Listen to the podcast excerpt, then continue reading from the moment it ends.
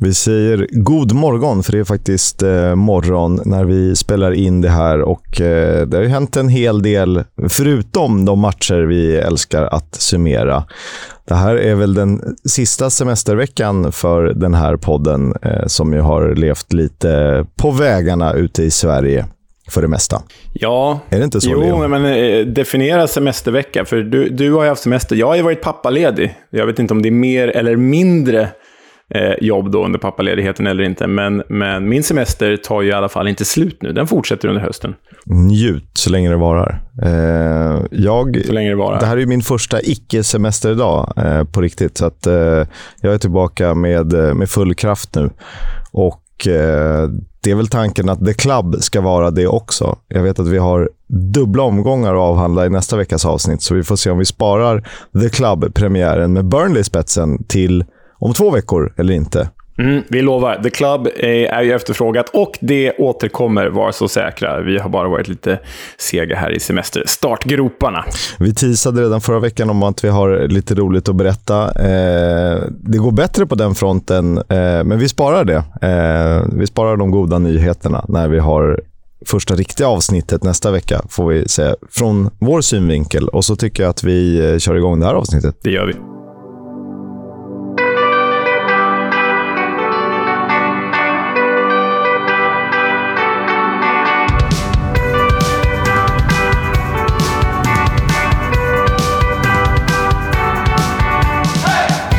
Du lyssnar på Footballs Coming Home, en podcast om Championship, om League 1 och League 2 med mig, Oskar Kisk. Och eh, mig, Leonard Jägerskiöld Velander. Trippelnamnet, vår eh, favoritpoddens stjärna. Nej, det vet jag inte. Jag är ju poddens Makelele och det är du som är poddens Drogba. Jag, vill, jag ser mig hellre som en ledarhund här. ja, visst, det är okej. Okay. En blind leder en annan blind. det kan bli bra ibland. Vi, vi har lite deadlines och vi har som vanligt mycket mer att prata om än vad vi tror att vi har att prata om. Så att jag tycker vi kickar igång med det som var fredagens enda match. Eh, den spelades mellan eh, Birmingham och Huddersfield och var ju faktiskt en småtrevlig historia. och det ser ut att börja närma sig en liten minikris för Terriers. Ja, det kan man väl säga med det här resultatet i ryggen. För Huddersfield förlorade ju alltså 2-1 borta, borta mot Birmingham och eh, står ju då alltjämt kvar på noll inspelade poäng efter två omgångar.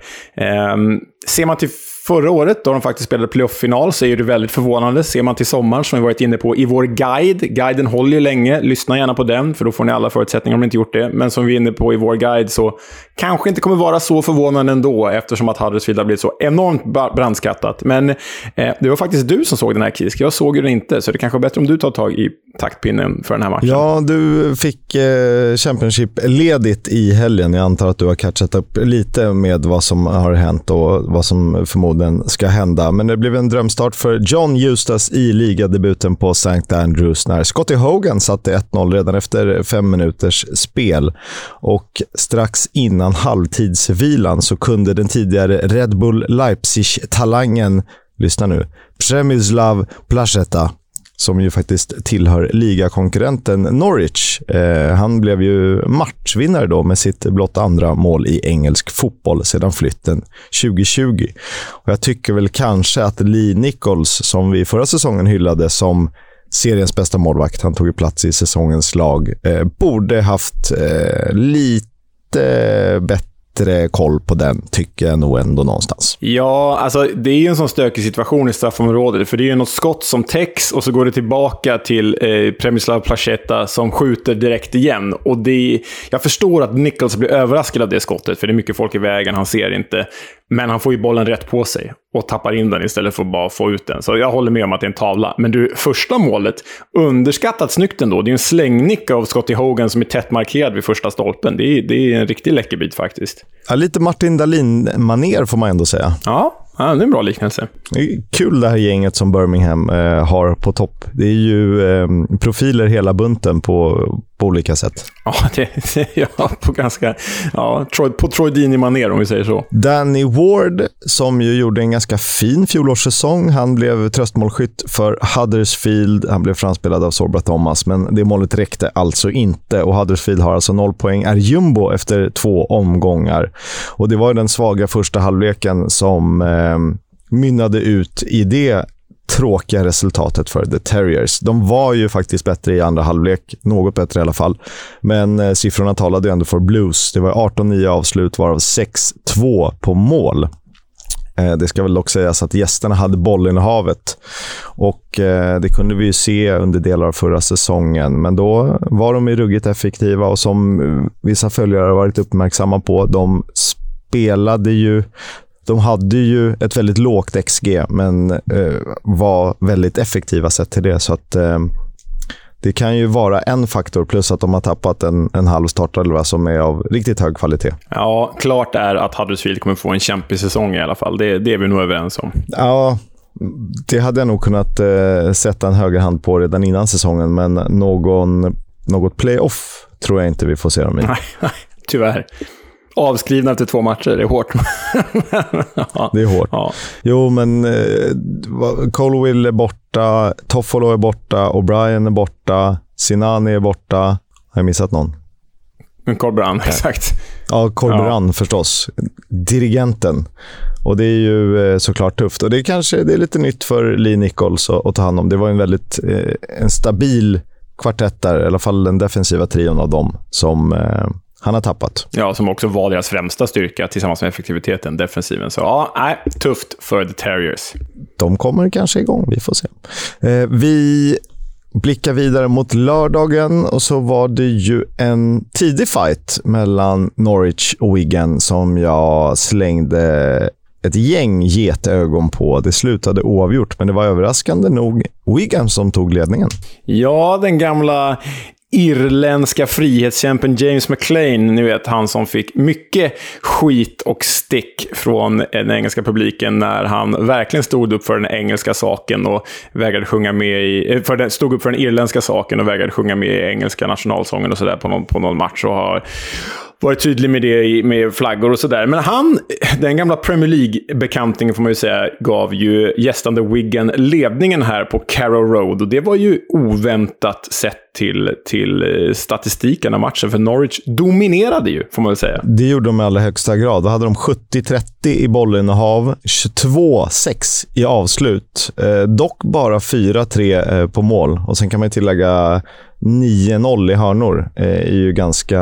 Um, eh, uppseendeväckande. Samtidigt är det inte så konstigt med tanke på att det var ett, ett på pappret bättre hemmalag i underläge och då brukar det kunna rinna iväg till, till hörnfester.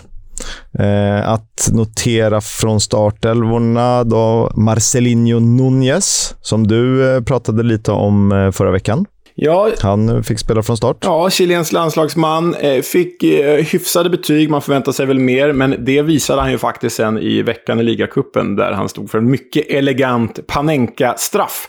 Men, men det var ju inte i den här matchen. Men det är spännande att se honom från start. Och sen hoppade ju faktiskt mångmiljonvärvningen brassen Gabriel Sarain. Så det känns som att det finns mer att ta av det här Norwich än vad de har visat hittills. För här blev det ju bara 1-1 efter mål av Max Aarons som kvitterade. Det blev det. Eh, snyggt högerbacks eh, bredsidetillslag där, stabilt ner. Borrade sig ner i, någonstans i bortre och, eh, inte riktigt i bortre, men eh, var ju svårt att ta för det var sånt himla tryck på det.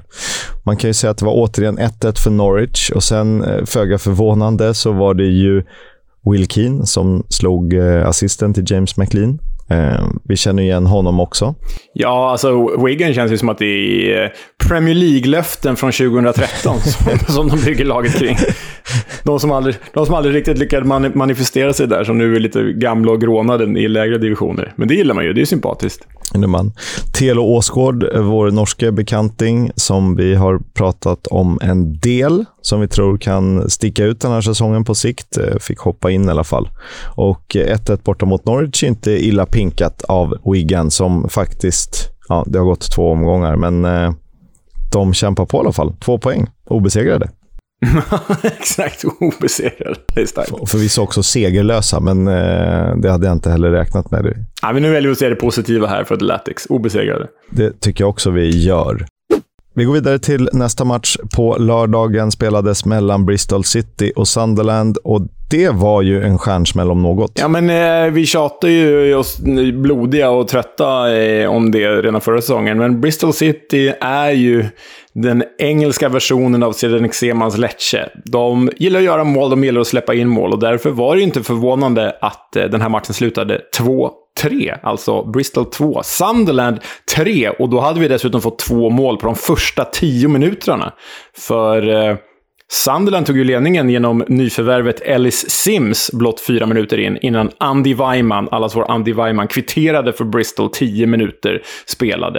Det här var en händelserik fight, Keith. Det var det, och Bristol City var ju för dig förra säsongen en playoff-utmanare. De gjorde oss ganska besvikna till slut. Ehm, du varnade lite för dem och det gjorde jag den här säsongen. Jag tror jag hade dem på sjunde plats i, i mitt tips och det är möjligt att jag kanske får revidera det.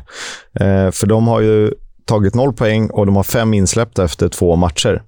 Och återigen så tappar de ledning till förlust. Den här gången dessutom på hemmaplan. Ja, efter då att ha vänt 0-1 till 2-1 också. För Chris Martin satte ju 2-1, ni vet den andra delen av den här fina trojkan som Bristol City har, även om Antoine Semenyo fortfarande är skadad. Men Bristol City var väl det lag som tappade flest ledningar förra säsongen. Och eh, det är ju inte bra. Nu har ju försvaret stärkts med Cal Naismith.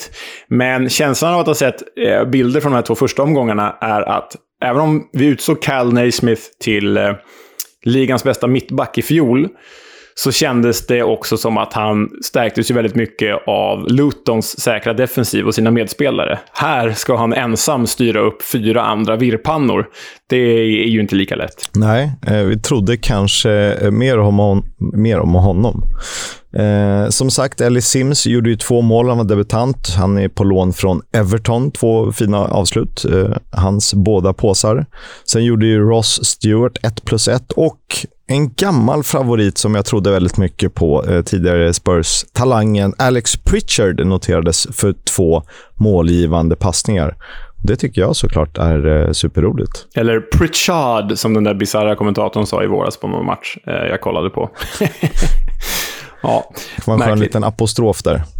Exakt. Eh, Sunderland, bäst nykomling hittills från League One med fyra inspelade poäng efter två omgångar. Och det finns ju en urkraft i det här gänget. De hade ju alltså 3000 borta fans med sig till Bristol. Och eh, ja, får Sunderland en flygande start här, då vet man ju inte hur ostoppbar den här snöbollen kan vara. De tar ju också verkligen för sig Championship likt jag tror hur Nottingham kan göra på sikt i Premier League. Nu kanske inte blir så, men jag har ändå en känsla av att det finns någonting eh, Alltså en, en drake som lyfter på något sätt. Mm. Ja, men det, det, det finns en enorm kraft här och det är ju...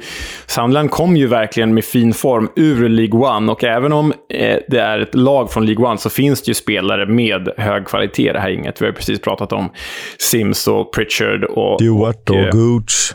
Eh, Ross Stewart, precis. Ja, men det, det finns verkligen Championship-kvalitet i det här laget. De, de lär inte behöva oroa sig för att titta neråt i tabellen när den här säsongen är slut. Det spelades en annan härlig match. Det var den som visades på svensk tv. Eh, det var Burnley mot Luton. Den matchen slutade oavgjort 1-1 och det var lite överraskande ledningsmål när Dan Potts eh, gjorde 1-0 för Luton redan i den femte minuten. Och tiki-takan från Turfmore, som vi döpte förra avsnittet till. Vi hittade ingen riktig tiki-taka på Turfmore. Nej, det kan vi ju säga att vi inte gjorde. Och frågan är om den här överlyckliga spelglädjen som vi såg förra året berodde dels på det som kompaniet satt, men också berodde på att Huddersfield som de mötte var så fruktansvärt jävla dåliga förra veckan i, i premiären. Nu mötte de ett stabilt, sittande, tungt Luton. Ja, då var det jävligt mycket svårare att spela Barcelona-inspirerad fotboll. Eh, eller peppinspirerad fotboll om man så vill. För, för Luton försvarade sig ju bra i den här matchen, ska det sägas. Och de, eh, Luton är rätt skickliga på att slå om från väldigt hög press till eh, en trygg defensiv som man liksom litar på till 100 procent. Eh, det tror jag var en av nycklarna förra säsongen.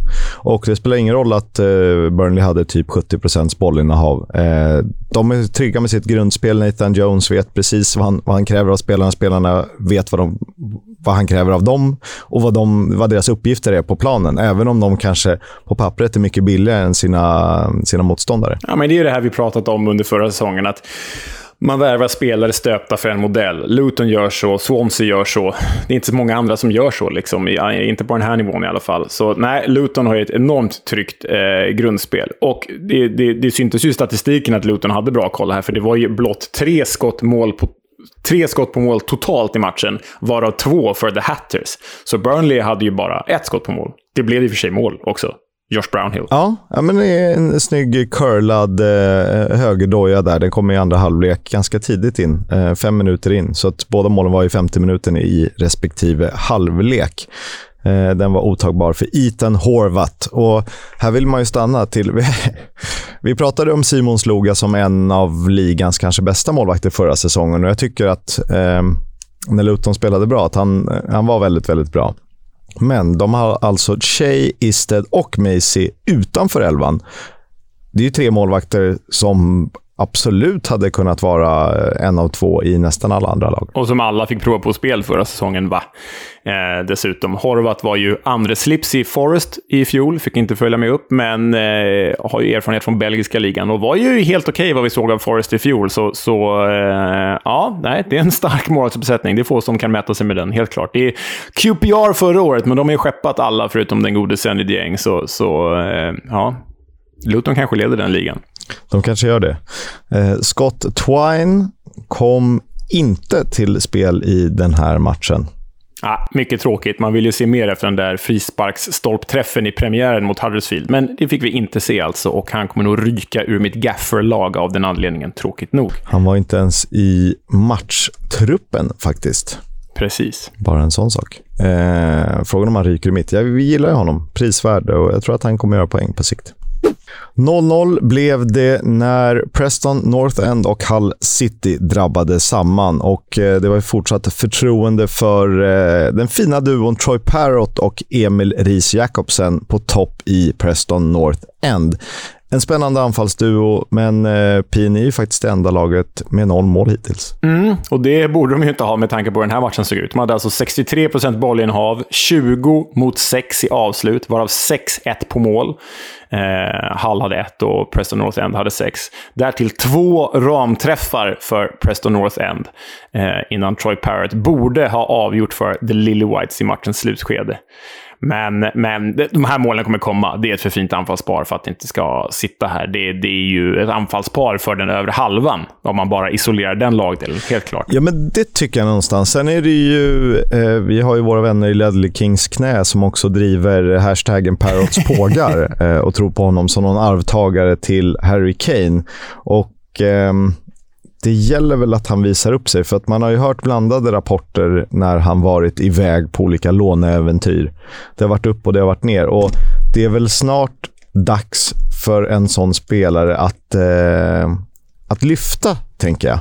Han är ju för sig inte äldre än 20 år, men eh, man tycker att han borde visa lite mer. Ja, men det, jag är nog rätt övertygad om att det kommer den här säsongen. Han gjorde ju ändå av, satt avtryck i League One i, i fjol. Nästa steg nu då alltså. Ja, jag tror på Pågen Parrot, helt klart. Men du, det jag tar med mig från den här matchen, matchens stora rubrik, det var ju att Preston North Ends maskot, The Deepdale Duck, saknades på grund av sjukdom.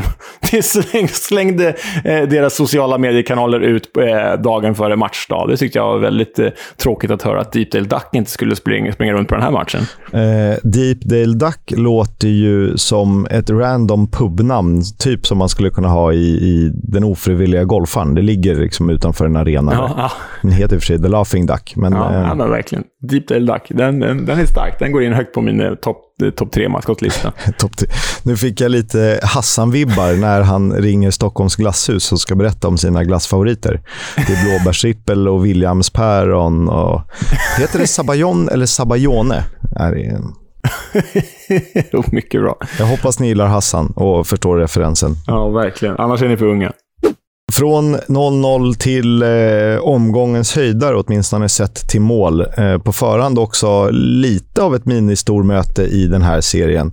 QPR mot Middlesbrough. Det slutade 3-2. Oh, wow! Ja, alltså Chris Willocks 1-0. Tillbaka från skada, tillbaka äntligen i The Hoops. Hela QPR föll ihop när han skadade sig i februari i våras och de föll ifrån och blev ett eh, blött mittenlag istället. Men Chris Willock vi kan ju säga det redan nu, den här spelaren är för bra för The Championship. Det här är ju en Premier League-spelare, spelare, helt klart. För det han gör med 1-0 här, 13 minuter in i matchen.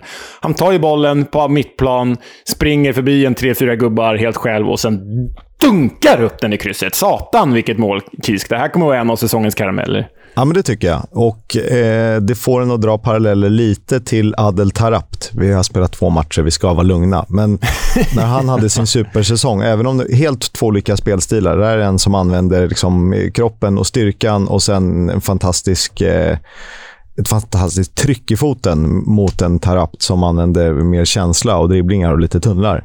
Men ändå, eh, om han håller sig skadefri och får det att stämma och QPR känner lite medvind, då är ju han säsongens spelare-kandidat.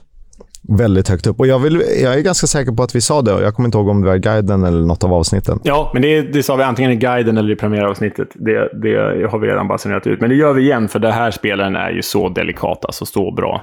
Och sen gjorde ju QPR faktiskt både 2 och 3-0 av bara farten. Alltså före 40 minuter spelare hade de satt 3-0. 2-0 av Jimmy Dunn och 3-0 av Lyndon Dykes. Ja, och eh, Zack Steffen har tydligen gjort en Lamley-tavla, som du kallar det. Du som avskyr Joe Lamley.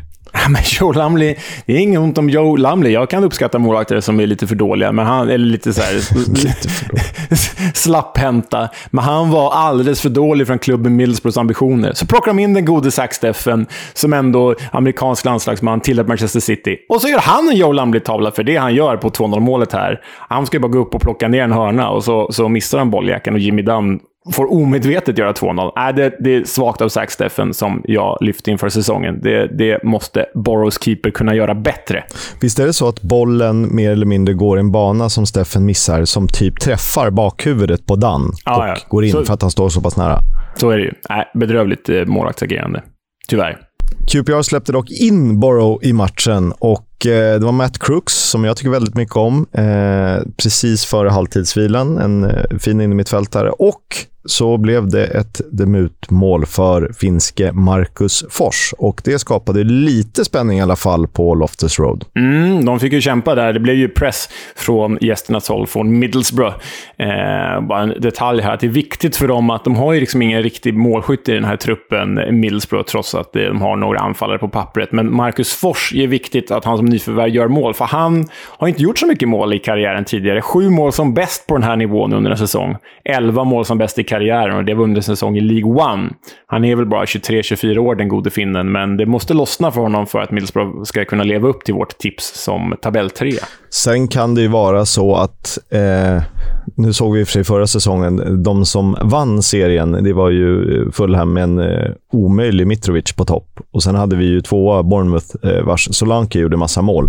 Men det är inte alltid så att man måste ha en renodlad målskytt på topp om du får resten av spelet att stämma. Men det är ju ganska mycket lättare för eh, x antal spelare i den här truppen om man vet att man har en pålitlig Marcus Fors i form. Eh, Boroughs kvitteringsdrömmar dog dock ut när Darrell Lenihan, nyförvärvet från Blackburn, eh, gjorde omkull Bonn på mittplan i en kontring i 90 minuten och därmed fick det röda kortet. Lenihan utvisad alltså. Den spelare som har eh, vunnit flest nickdueller hittills i The Championship efter två omgångar. Ja, och flest tröjdragningar också. Han är väl lite... Ett... Uppenbarligen. ja. Eh, Albert Adoma hade någon hyfsad chans mot slutet och Borough hade också någon halv chans. Men det blev inga fler mål och det var nio mål på två möten förra säsongen de här två lagen emellan. Och nu är vi på god väg. behövs bara fyra mål i returen. En liten skräll får man ändå säga, även om eh, de vann på hemmaplan. Det var när Reading besegrade Cardiff med 2-1, särskilt eftersom Cardiff tog en eh, fin premiärskalp. Ja, och eh, här var det ju... Det här kommer vara viktigt i bottenstriden också. Vi har väl i vårt tips avskrivit Cardiff från den, men att de skulle kunna hamna i en bottenstrid. Så här är väldigt viktiga poäng som Reading kniper. Men det var ju Cardiff som tog ledningen genom Callum O'Dowda, nyförvärvet från The Robins, Bristol City. Nickade ju in den efter fyra minuter redan. Men sen Kisk, vad hände sen? Ja, det här är en favorit. Jag, jag, har alltid drömt om honom i, i Tottenham i alla år. Jag tycker att han är underskattad som anfallare. Han, han klarar av flera delar av spelet. Och på dagen 11 år efter sin senaste start för Reading fick Shane Longs, eh, Shane Longs Shane Long chansen från 11 meter sedan eh, Tommins rivits ner och då blev det 1-1 såklart, för så bra är Shane Long. Åh, vad jag hoppas att han får en sån här dundersäsong. Ja, det gör vi. Shane Long eh, uppskattar vi allihopa, även om Reading alltjämt... Fast Reading, man pratar så mycket negativt om Reading och att de är så intetsägande så att man börjar tycka att de är sägande. det finns mycket att prata om Reading. Så, så ja, men ja. ibland, ibland blir det så att vi bestämmer oss på något sätt. Eh, det var lite som Bristol City var anonyma innan de fick igång sitt lag förra säsongen. Eh, och Det är ju kanske att man tycker att de borde ha en, en, en riktig tränare, förlåt, Paul Ince, och eh, lite andra spelare. Det var ju väldigt mycket djurkyrkogård förra säsongen. Men eh, på tal om Paul Ince så har han en son som heter Tom som fixade straffen till 1-1 målet och han gjorde precis som Chris Willock, eller ja, åtminstone eh, sin bästa kopia i alla fall. 20 minuter in i andra halvlek så satte han den, en galen missil till 2-1 eh, från 25-30 meter och det var också riktigt snyggt. Ja, nej, fabulöst mål. Och Tom Inns i form är ju en, spel för, är ju en spelare för i alla fall de nedre regionerna av Premier League. Nu har han inte visat upp den formen på flera, flera år, men spelar han så här så kan han verkligen hålla kvar Reading i den här serien. Helt klart. Ja, han kan bli en talisman för Reading. Eh, I övrigt var det väl en relativt jämn match med chans chanser åt båda håll. Eventuellt viss fördel Reading. Och Det här är ju tre viktiga, viktiga poäng för Reading i vad som kan bli, men förmodligen blir en tuff säsong. Både transferembargo och finansiella problem som hänger över klubben som ett vått täcke.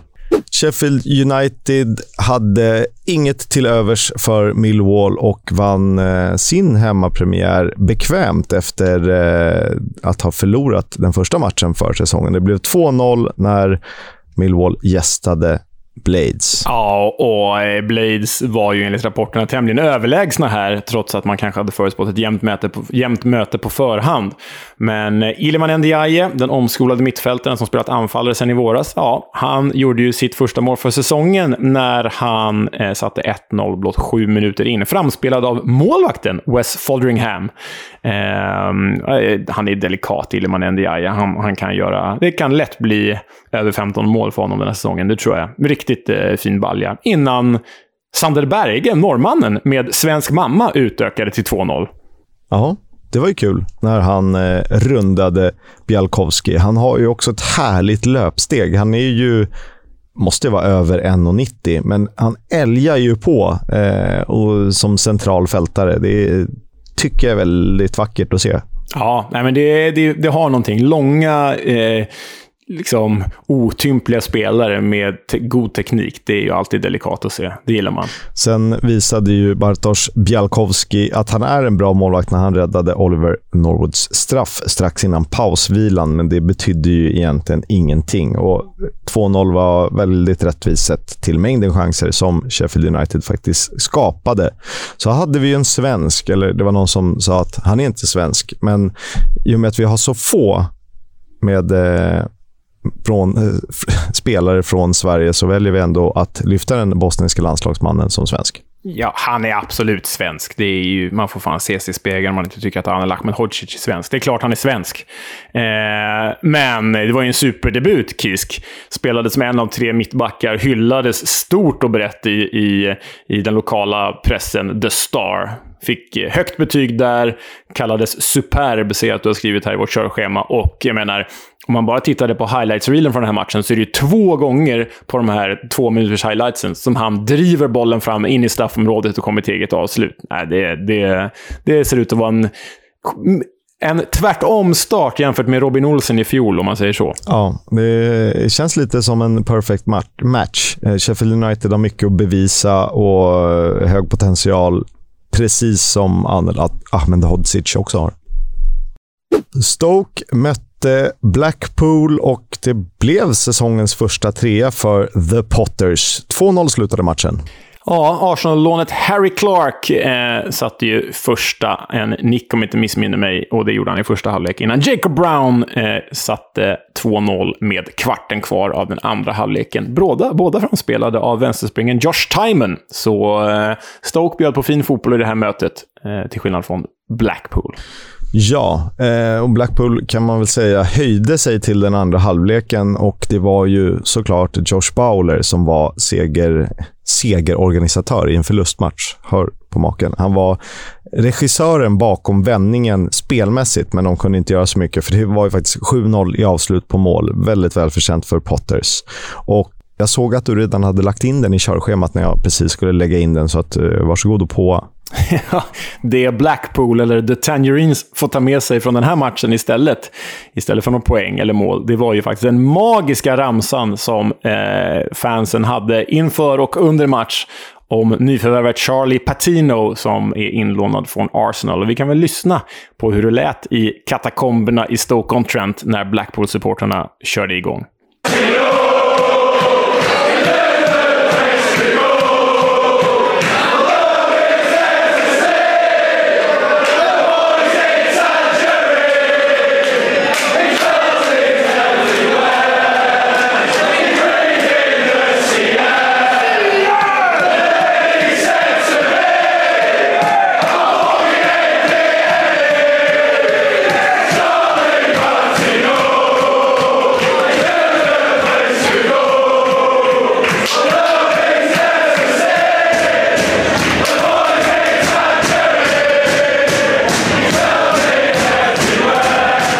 Han spelade 20 minuter, men känns redan odödlig och vad säger vi? Never fall in love with a lone player. Men eh, det är ju kul med spelarramsor och hur eh, engelsmännen är, fortfarande är fyndiga på läktarna. Ja, nej, otrolig ramsa. Man, man blir ju kär i, i The Seasiders bara för en sån ramsa. Även om alla klubbar har, alla fans har såna ramsor, så nu, nu är Blackpool kanske min nya förälskelse. Vi får se. Härligt var det i alla fall. Det är nästan som man skulle vilja slå fast att EFL-poddens favoritlag är Blackpool. Ja, men eh, kanske. Det skulle det faktiskt kunna vara. Vi, vi avvaktar med bekräftelse på det. För Swansea så går det ganska tungt. Eh, vi gillar vad de gör, men eh, vi gillar inte riktigt det vi ser på planen. Och när Blackburn kom på besök blev de nollade och Blackburn eh, sköt ju in tre bollar. Eh, 3-0 alltså för gästande Blackburn. Vi var ju lite tveksamma inför säsongen, men nu är de ju seriens enda fullpoängare efter två omgångar plus den här hängmatchen. Ja, och som vi gillar det. Vi vill ju ha ett Blackburn med i toppen där. Och det såg ju nyförvärvet Sami Smordic till när han satte 1-0, eh, inte ens 40 minuter spelade.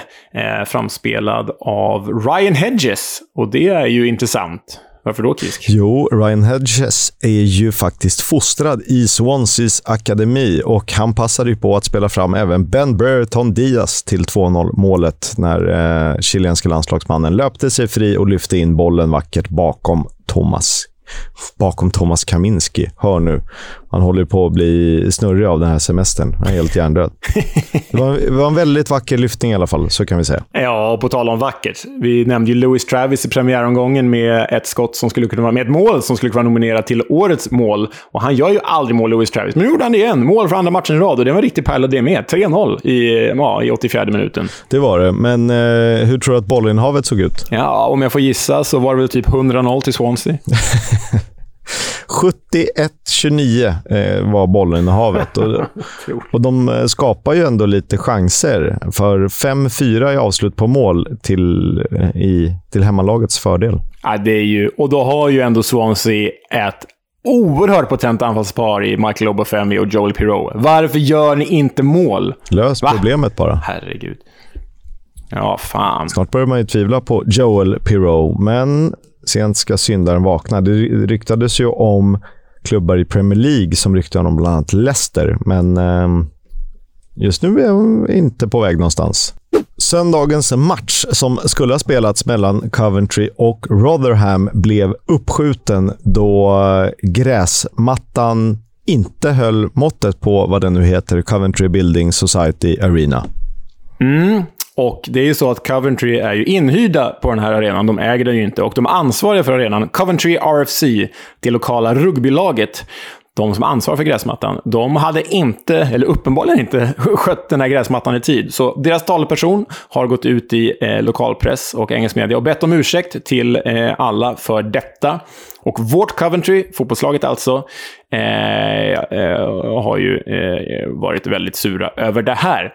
Och därtill flyttades även Coventrys eh, ligacupmatch i veckan till Burton och deras Pirelli Stadium istället på grund av det dåliga underlaget. Så vi får se när Coventry gör hemmadebut den här säsongen. Det har väl varit lite konserter och annat under sommaren som förstört gräset. Precis. Men det spelades en riktig höjdare till fotbollsmatch under måndagen. Åtminstone på förhand när eh, två möjliga toppkandidater, West Brom och nedflyttade från Premier League, Watford, spelade 1-1. Och det var ju inte riktigt eh, sanningen. Nej, alltså... ja, vad ska, vad ska vi säga om den här matchen? Det, det, det, det är ju... Det, det jag tänkte på den här matchen, att West Brom... För det första var ju de bättre skulle jag vilja säga, eh, trots att det slutade 1-1. Men West Broms lag... Ja, mycket, mycket bättre, bättre, tycker jag. Men West Broms lag känns ju så mycket mer balanserat över hela planen jämfört med Watford. För Watford är ju... Ja, men de har väl den bästa offensiven på pappret med Emmanuel Dennis och Ismail Azar och, och Joao Pedro. Eh, men det känns så obalanserat, för där bak finns det ju, ja men på pappret, lite skit, om man får säga så. Visserligen med Premier League-erfarenhet, men alltså ja, jag, vet, jag vill inte hänga ut någon speciell spelare, men, men, men Watford känns alldeles för obalanserat. Sen kanske den där offensiva trion, om de är kvar, kan ta Watford hela vägen till Premier League ändå, för den potentialen besitter de. Men bara, man såg här att West Brom är ett mycket mer gediget lagbygge än vad Watford är. Ja, det är det. Eh, jag gillar inte riktigt heller Watfords defensiv. Det känns som det är överblivet på något sätt. De har hamnat här av en anledning och nu är de kvar också av en anledning att de inte riktigt håller måttet för något högre. Och Det är inget ont om Tom Cleverly. Han kan utföra arbetsuppgifter eh, på ett bra sätt. Han, på ett sätt är han och Jake Livermore lite lika. Eh, Jake Livermore gillar ju såklart eh, personligen The Enfield Iniesta. Men det, liksom, det håller inte riktigt, tycker jag. Nej, men det är liksom det är Cleverly och det är Bachman i mål och det är Kabasele i backlinjen och det är Craig Cathcart eller Trostekong. Alla liksom helt okej okay med bra spelare runt omkring sig. Men när det är ett hopplock av det överblivna bottenträsket från Premier League, ah, då vet det fan. Men sen skulle det sägas att med liksom Sema, Kamara på kanterna och den där offensiva trion, då är offensiven helt briljant. Men centralt i banan och bakåt. Ah, Watford, ni behöver ett bättre balanserat bygge. Det behöver de. Eh, det de gjorde var ju att ta ledningen och eh, det kan vi tacka Ismail Azar för att vi fick se den delikatessen. Och jag tycker att eh, vissa långskott är eh, överskattas när det kommer till att man pratar om drömmål. Men det här är väldigt, väldigt vackert. För att han eh, tar en touch och sen liksom smeker han den från vad det nu kan vara 55-60 meter över en eh, chanslös button i West Brom-målet. Ja, men det är så... Du, du håller med om att den här typen av långskott kan verkligen vara överskattade. Men när de är gjorda på det här sättet, för det är så uppenbart att... Ja, men det är som gjort med... Han tjongar inte bara till den, utan det är så här. Han tittar upp, noterar från mittcirkeln att David Button är långt ute. Ja, då lyfter han väl över honom då. Det är riktigt läckert gjort, till skillnad från många som bara pangar på på vinst och förlust där. Liksom. Nej, det, det, det är ett väldigt bra mål. Ja, och det ser ju knappt ut som man tar i. För som du säger, annars är pangas det på. Det är liksom hela kroppen bakom och bara skickar den så långt som möjligt och hoppas att den kanske landar i mål. Men han tittar upp, ser att batten är långt ute och sen bara smeker han den och den glider ner i en helt perfekt bollbana. Det var eh, riktigt snyggt och lite, mm, lite chock. Eh, öppning där från Watford. Ja, med tanke på att West Brom typ var goda för både 1 och 2-0 före det målet så var det ju, eh, var det ju oväntat. Men West Brom kom ju tillbaka. Din eh, tippade skyttekung Carlen Grant kvitterade ju precis före pausvilan. Till ett litet jubel i soffan. För att eh, när man har bestämt sig för att man tror att West Brom går upp och att Carlen Grant vinner skytteligan, då är det det man måste hålla på. Lite som eh, jag blev glad varje gång Joel Pirou gjorde mål förra säsongen eftersom jag varnade för honom. Men som sagt, West Brom högsta nivå är ju otrolig, särskilt offensivt. Då har man Jed Wallace och eh, John Swift som eh, servitörer så är det bara att tacka och ta emot. Det var ju dock eh, Grady Diangana som spelade fram Carlan Grant. Ja, och sen fick ju Watford mot alla odds med tanke på att West Brom dominerade chansen att avgöra den här matchen. Men samme Sar som satte den från 55 meter mäktade inte med att sätta den från 11 meter. För då la han en riktigt blöt straff på David Button. David Button var bra med där. Han gick åt rätt håll och tog den. Watford stod ju väldigt, väldigt lågt och det kan ju bero på bortaplan att man väljer att eh, spela olika matchbilder för att träna in att kunna hantera olika lag. Eh, och fokus ligger ju på deras vindsnabba kontringar, för man ser ju att när de vinner bollen i rätt läge, West Brom har många spelare felvända, och så sätter Camara fart, så sätter Pedro fart, så sätter Sar fart, så sätter Dennis fart. Då går det ju vansinnigt fort. Men frågan är om inte ganska många av de på pappret sämre lagen har så pass bra tränare som vet om det här och kan ha ganska låga utgångspositioner. Ja, det, det återstår ju att se. För jag, spel, ja, det återstår att se. Det blir spännande om eh, det räcker med att läs, läsa dem så att man kan stänga av deras offensiv. Vi får se. Eh, Ken Sema, den svenska ytten, han gjorde 90 minuter, men jag tycker att han var relativt anonym i en match som då dominerades av hemmalaget. Och Då blir det inte så roligt att spela ytter alltid, utan då får man kanske stå där på kanten, täcka av rätt ytor och vänta på sin chans. Det var omgång två i Championship, alltså två av lagen, Coventry och Rotherham, har bara spelat en match. Vi får se när den spelas. Om vi tar en snabb titt i League 1 och League 2 så kan man ju konstatera att Peterborough är ensamma med sex poäng efter två omgångar. De tog en stabil 3-0-seger hemma mot Morecambe. Och i League One så eh, saknar alltjämt Burton, MK Dons och Cheltenham en enda poäng. De står alltså på noll poäng eftersom att de saknar poäng. Aaron Collins eh, till vardags i Bristol Rovers med förflutet i bland annat Wolves och Forest Green Rovers. Han leder skytteligan med tre gjorda mål. Och i League 2 så hittar vi fem lag på sex poäng där ja, Birmingham-klubben inom citationstecken Walsall, deras 5-0 från helgen imponerar. Ja, 5-0 totalt. 5-0 eh, totalt, förlåt. 5-0 totalt. Det var otydligt. Vi börjar i nordöst där Ross Stewart har belönats med nytt tvåårskontrakt i Sunderland. Eh, välförtjänt. Ja, och oerhört viktigt för Sunderland. Deras talisman på topp. Aaron Ramsey till Norwich. Mm, inte den Aaron Ramsey, men på lån. Ja, alltså Jacob Ramseys lillebror. Han ansluter från Aston Villa och är redo att spela för Norwich omgående. Det, Jacob Ramsey har ju stundtals sett riktigt bra ut i Premier League, så att eh, för Norwich eh, känns det här som ett bra lån. Verkligen. Nathan Broadhead lånas till Wigan från Everton. Han är 24-årig anfallare. Han gjorde 10 på 20 för Sunderland senast. Och det här kan ju öppna upp i Everton. Mm, vilket vi återkommer till.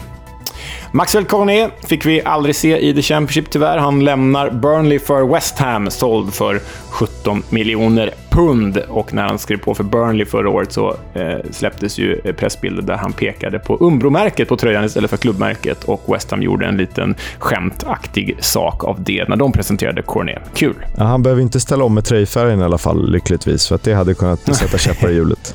Exakt. Från Tottenham till Cardiff går Kion Etete. Han är 20 år, han är anfallare, han blir Cardiffs nya nummer 9. Han gjorde, sext, han gjorde inte 16 på 3, han gjorde 3 på 16 för Cheltenham och 2 på 7 för Northampton senast. Ja, oskrivet men spännande. Ja, det är ett förtroende att de ger honom nummer 9 i alla fall. Det säger ju någonting. Riktigt bra talang på FM, men det behöver inte vara verkligheten. Och sen då bomben. Vårt eh, Twitter fullkomligen exploderade igår kväll, eh, kvällen för den här sändningen. Och eh, den här podden citerades faktiskt i Sportbladet, i Fotbollskanalen, i Sportexpressen och i Everton Media och i lokala Coventry-tidningar. Varför då, Kisk? Vad hade du grävt fram? Jag hade ju kämpat stenhårt eh, med att... Eh, nej, det hade jag inte alls gjort. Men ja, eh, ibland nås man av information som är för bra för att sitta och hålla på. Och... Det är ju ganska färskt det här, men jag fick bekräftat att Viktor Gyökeres är i förhandling med Everton. Och min källa vill inte säga exakt hur länge de har förhandlat eller några fler detaljer, men eh, att Everton är sugna på Gyökeres det kan man ju ändå förstå. Ja, nej men alltså med Dominic Calvert-Lewin skadad och så har de skickat eh, Sims på lån och eh, eh Broadhead på lån. Då finns det ju verkligen plats på Goodison Park att ta. Och om man kan lösa eh, Victor Gyökeres, som ändå gjorde 17 mål förra säsongen för en hyfsad och rimlig peng och som därtill landslagsdebuterat, eh, då tror jag att man är nog väldigt glad på Goodison Park. För man ser väl då honom som eh, första alternativ för eh, Rondon på eh, kort sikt. Och sen då när Dominic Calvert-Lewin kommer tillbaka så kanske han blir andra alternativ till en rimlig peng som sagt. Och eh, det här är ju en chans som Gyökeres förstås måste, måste ta. För eh, vi är väl övertygade om att han skulle kunna göra en 8-10 mål i Premier League med förtroende. Ja, på sikt. Eh, kanske inte direkt från start, men samtidigt tycker jag att han har fina egenskaper. Det man saknar kanske lite skicklighet i luftrummet för sin storlek. Å andra sidan är han ju väldigt snabb för att vara relativt stor. Och han är bra med bollen och har ett fint tillslag. Så att eh, jag tycker i nuläget att han är en, bet en bättre lösning än Salomon Rondon, som ju börjar bli till åren. Förlåt, han är bara 32, men ändå. Ja, men jag håller med. Här finns, det ju, här finns det ju oerhörd potential i en svensk övergång. Vi hoppas att det händer, även om vi kommer sakna Gyökeres i podden. Såklart. Hur går det för Birmingham City egentligen? Ja, nej, det går ju åt helvete. Det här kan ju bli den här säsongens Derby County. För det är ju nämligen så att den första deadlinen för övertagandet av Birmingham City har passerat. Konsortiumet, som är lett av Maxi Lopez, har inte kunnat betala pengarna som krävs för att ta över klubben. Men Maxi Lopez, med den lokala affärsmannen vars namn jag har glömt bort. Paul Richardson tror jag han heter. Paul Richardson, tack. Eh, de har fortfarande exklusivitet på klubben, men de måste få fram pengarna i tid. Och de har väl en, både en och två deadlines på sig till att lösa de här pengarna. Men ni vet ju att det finns ett transferfönster att spela mot också, bara 20 dagar kvar där. Så eh, det är, dagarna är ju bråda för Birmingham. Därtill har det kommit fram rykten om att pengarna för den här affären skulle komma från ryska företag via Sypen. Vilket innebär att IFA har öppnat en undersökning kring detta för, ja, man får inte vara några ryska ägare i det IFL just nu, om vi säger så. Och då kommer affären blåsas av helt om det skulle visa sig vara ryska pengar.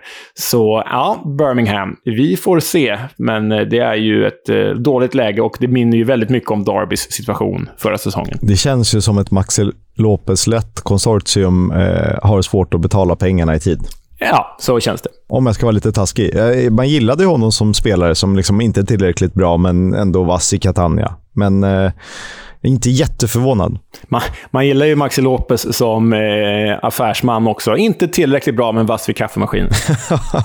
Han är bra på att surra med folk. Ja, tydligen. Det räcker. Nej, fy fan. Tufft att här på Birmingham nu. Alltså. Du, en eh, övergång som jag nästan hade... Jag vet inte om vi har lyft den. Det är ju att Dwight McNeil, som vi skrev upp som eh, möjlig kandidat till säsongens spelare i Burnley, ju spelar i Everton numera. Ja, det gör han ju. Så är det ju. Jag vet inte om vi Faktiskt. pratade om det förra, eller förra, förra veckan. Men, eh, ja, det... Vi kanske nämnde det förra veckan. Men då vet ni det. Då behöver vi inte hoppas på honom. Då vet ni att det blir Chris Willock som blir säsongens spelare. Precis. En hel del ligacup-fadäser blev det för Championship-lagen. Blackpool åkte ut mot Barrow på straffar. Eh, Hull föll mot Bradford. Cardiff hemma mot Pompey 0-3. QPR rök på straffar mot Charlton, Wigan förlorade med uddamålet mot Fleetwood och Huddersfield åkte ut mot Preston North End med 1-4 på hemmaplan. Så två av mina favoritlag, eller två av få lag jag har tröjor ifrån i de här divisionerna. Luton föll mot Newport 2-3 för den walesiska, walesiska klubben. Så var det en trio av lag. Det var Stoke, det var Birmingham och det var Swansea som åkte ut på straffar. Innan Reading då torskade hemma mot Stevenage med 1-2. Det här innebär ju, det är väl fler eh, ligacupmatcher som, som spelas ikväll, samma dag som vi spelar in här, men på de som spelats hittills så är 11 Championship-lag av 24 redan ute ur ligacupen. Vissa eh, ställde ju upp med eh, reserv och skräp och piss här, ursäkta språket, så de ville ju åka ut. De ville bli av med den här turneringen. Men vissa försökte ju faktiskt gå vidare. Och då, då är det ju inte så bra att åka mot den här typen av motstånd, som till exempel Stevenage eller Fleetwood. Ja, nej, svag eh, insats i veckan av Championship-klubbarna helt enkelt. Bättring, tack.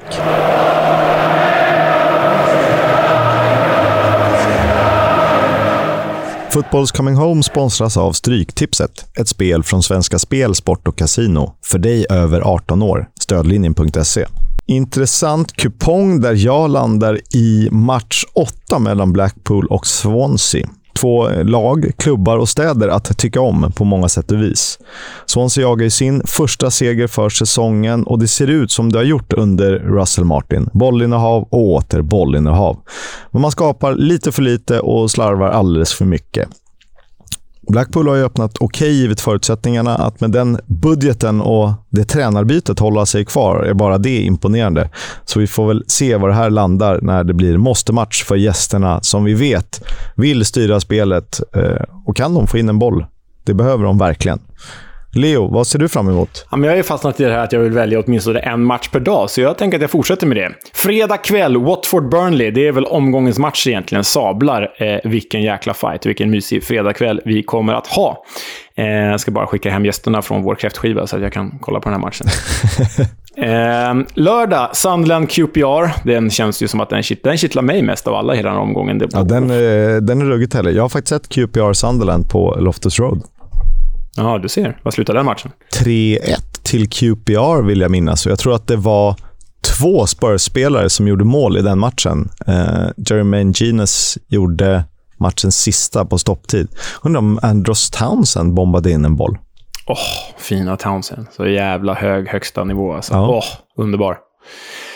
Och sen då söndagen Blackburn mot West Bromwich Albion. Kisks guldfavorit mot eh, ja, men vår poddfavorit kanske. Både du och jag vill ju ha upp Blackburn när vi fick välja lag förra veckan som skulle gå upp. Serieledarna Blackburn. Mm, exakt.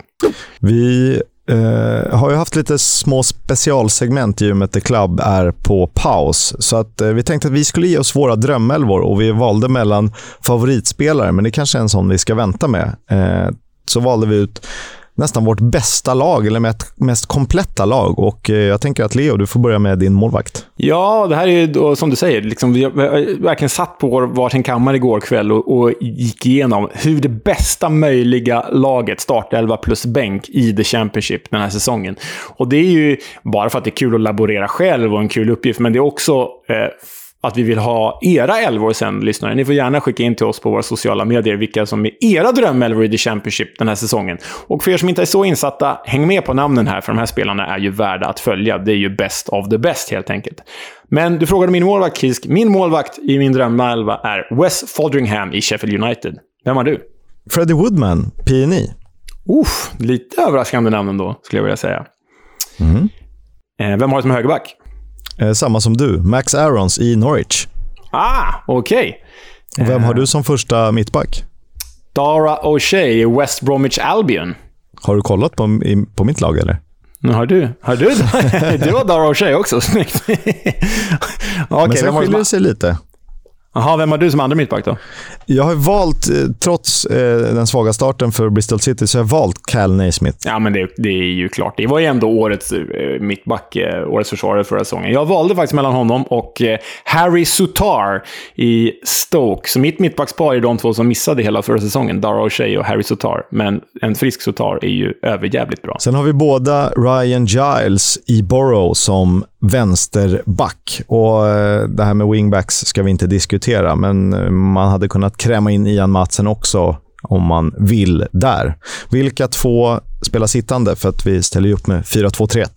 Ja, det ska ju sägas. 4-2-3-1. Nej, men jag blev så oerhört imponerad av Josh Cullen i Burnley i premiärmatchen där. Och han verkar ha gjort oerhört bra ifrån sig Anderlecht, eh, den irländska landslagsmannen. Så jag har Josh Cullen tillsammans med norrmannen Sander Berge, som jag redan förra året eh, tyckte var för bra för The Championship. Sander Berge i Sheffield United. Han kan tyvärr vara på väg till Club Brygge och Champions League.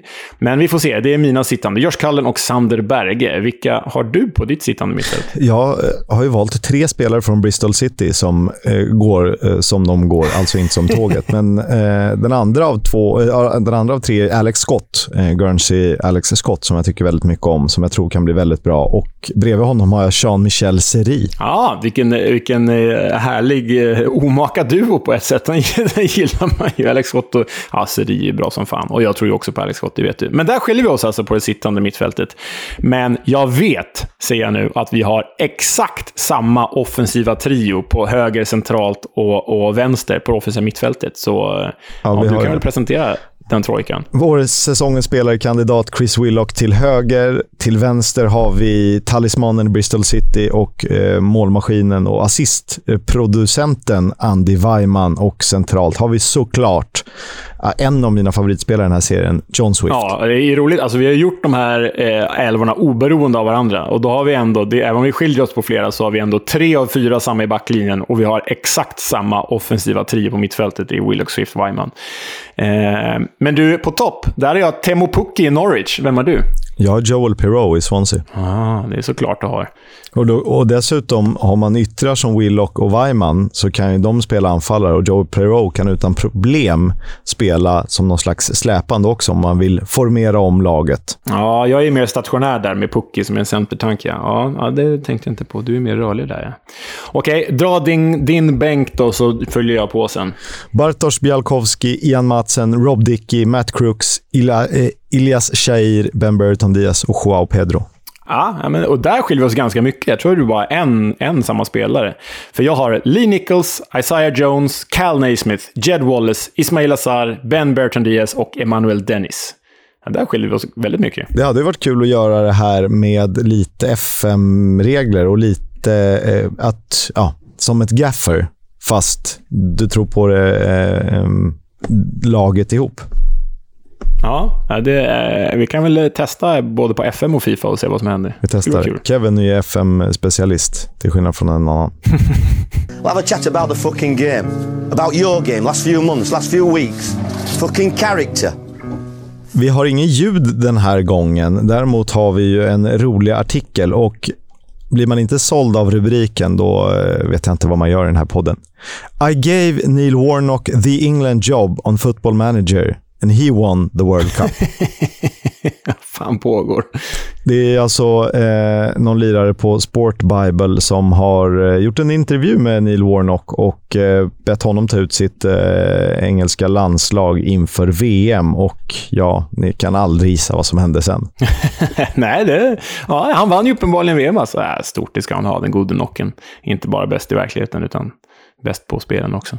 Det var dagens avsnitt. Vi tackar Stryktipset för att ni har varit med och sponsrat. Vi tackar alla er som har lyssnat. Vi tackar eh, för att det blev lite uppståndelse kring Viktor Gyökeres och hoppas för hans skull att han får en fin säsong oavsett om det är Coventry, eller Everton eller någon annanstans. Ja, men det hoppas vi verkligen. Så lyssnar du på det här, eh, Viktor, ta Eh, ta chansen om du kan. Vi kommer att sakna dig och tacka alla kära lyssnare för att vi är med oss.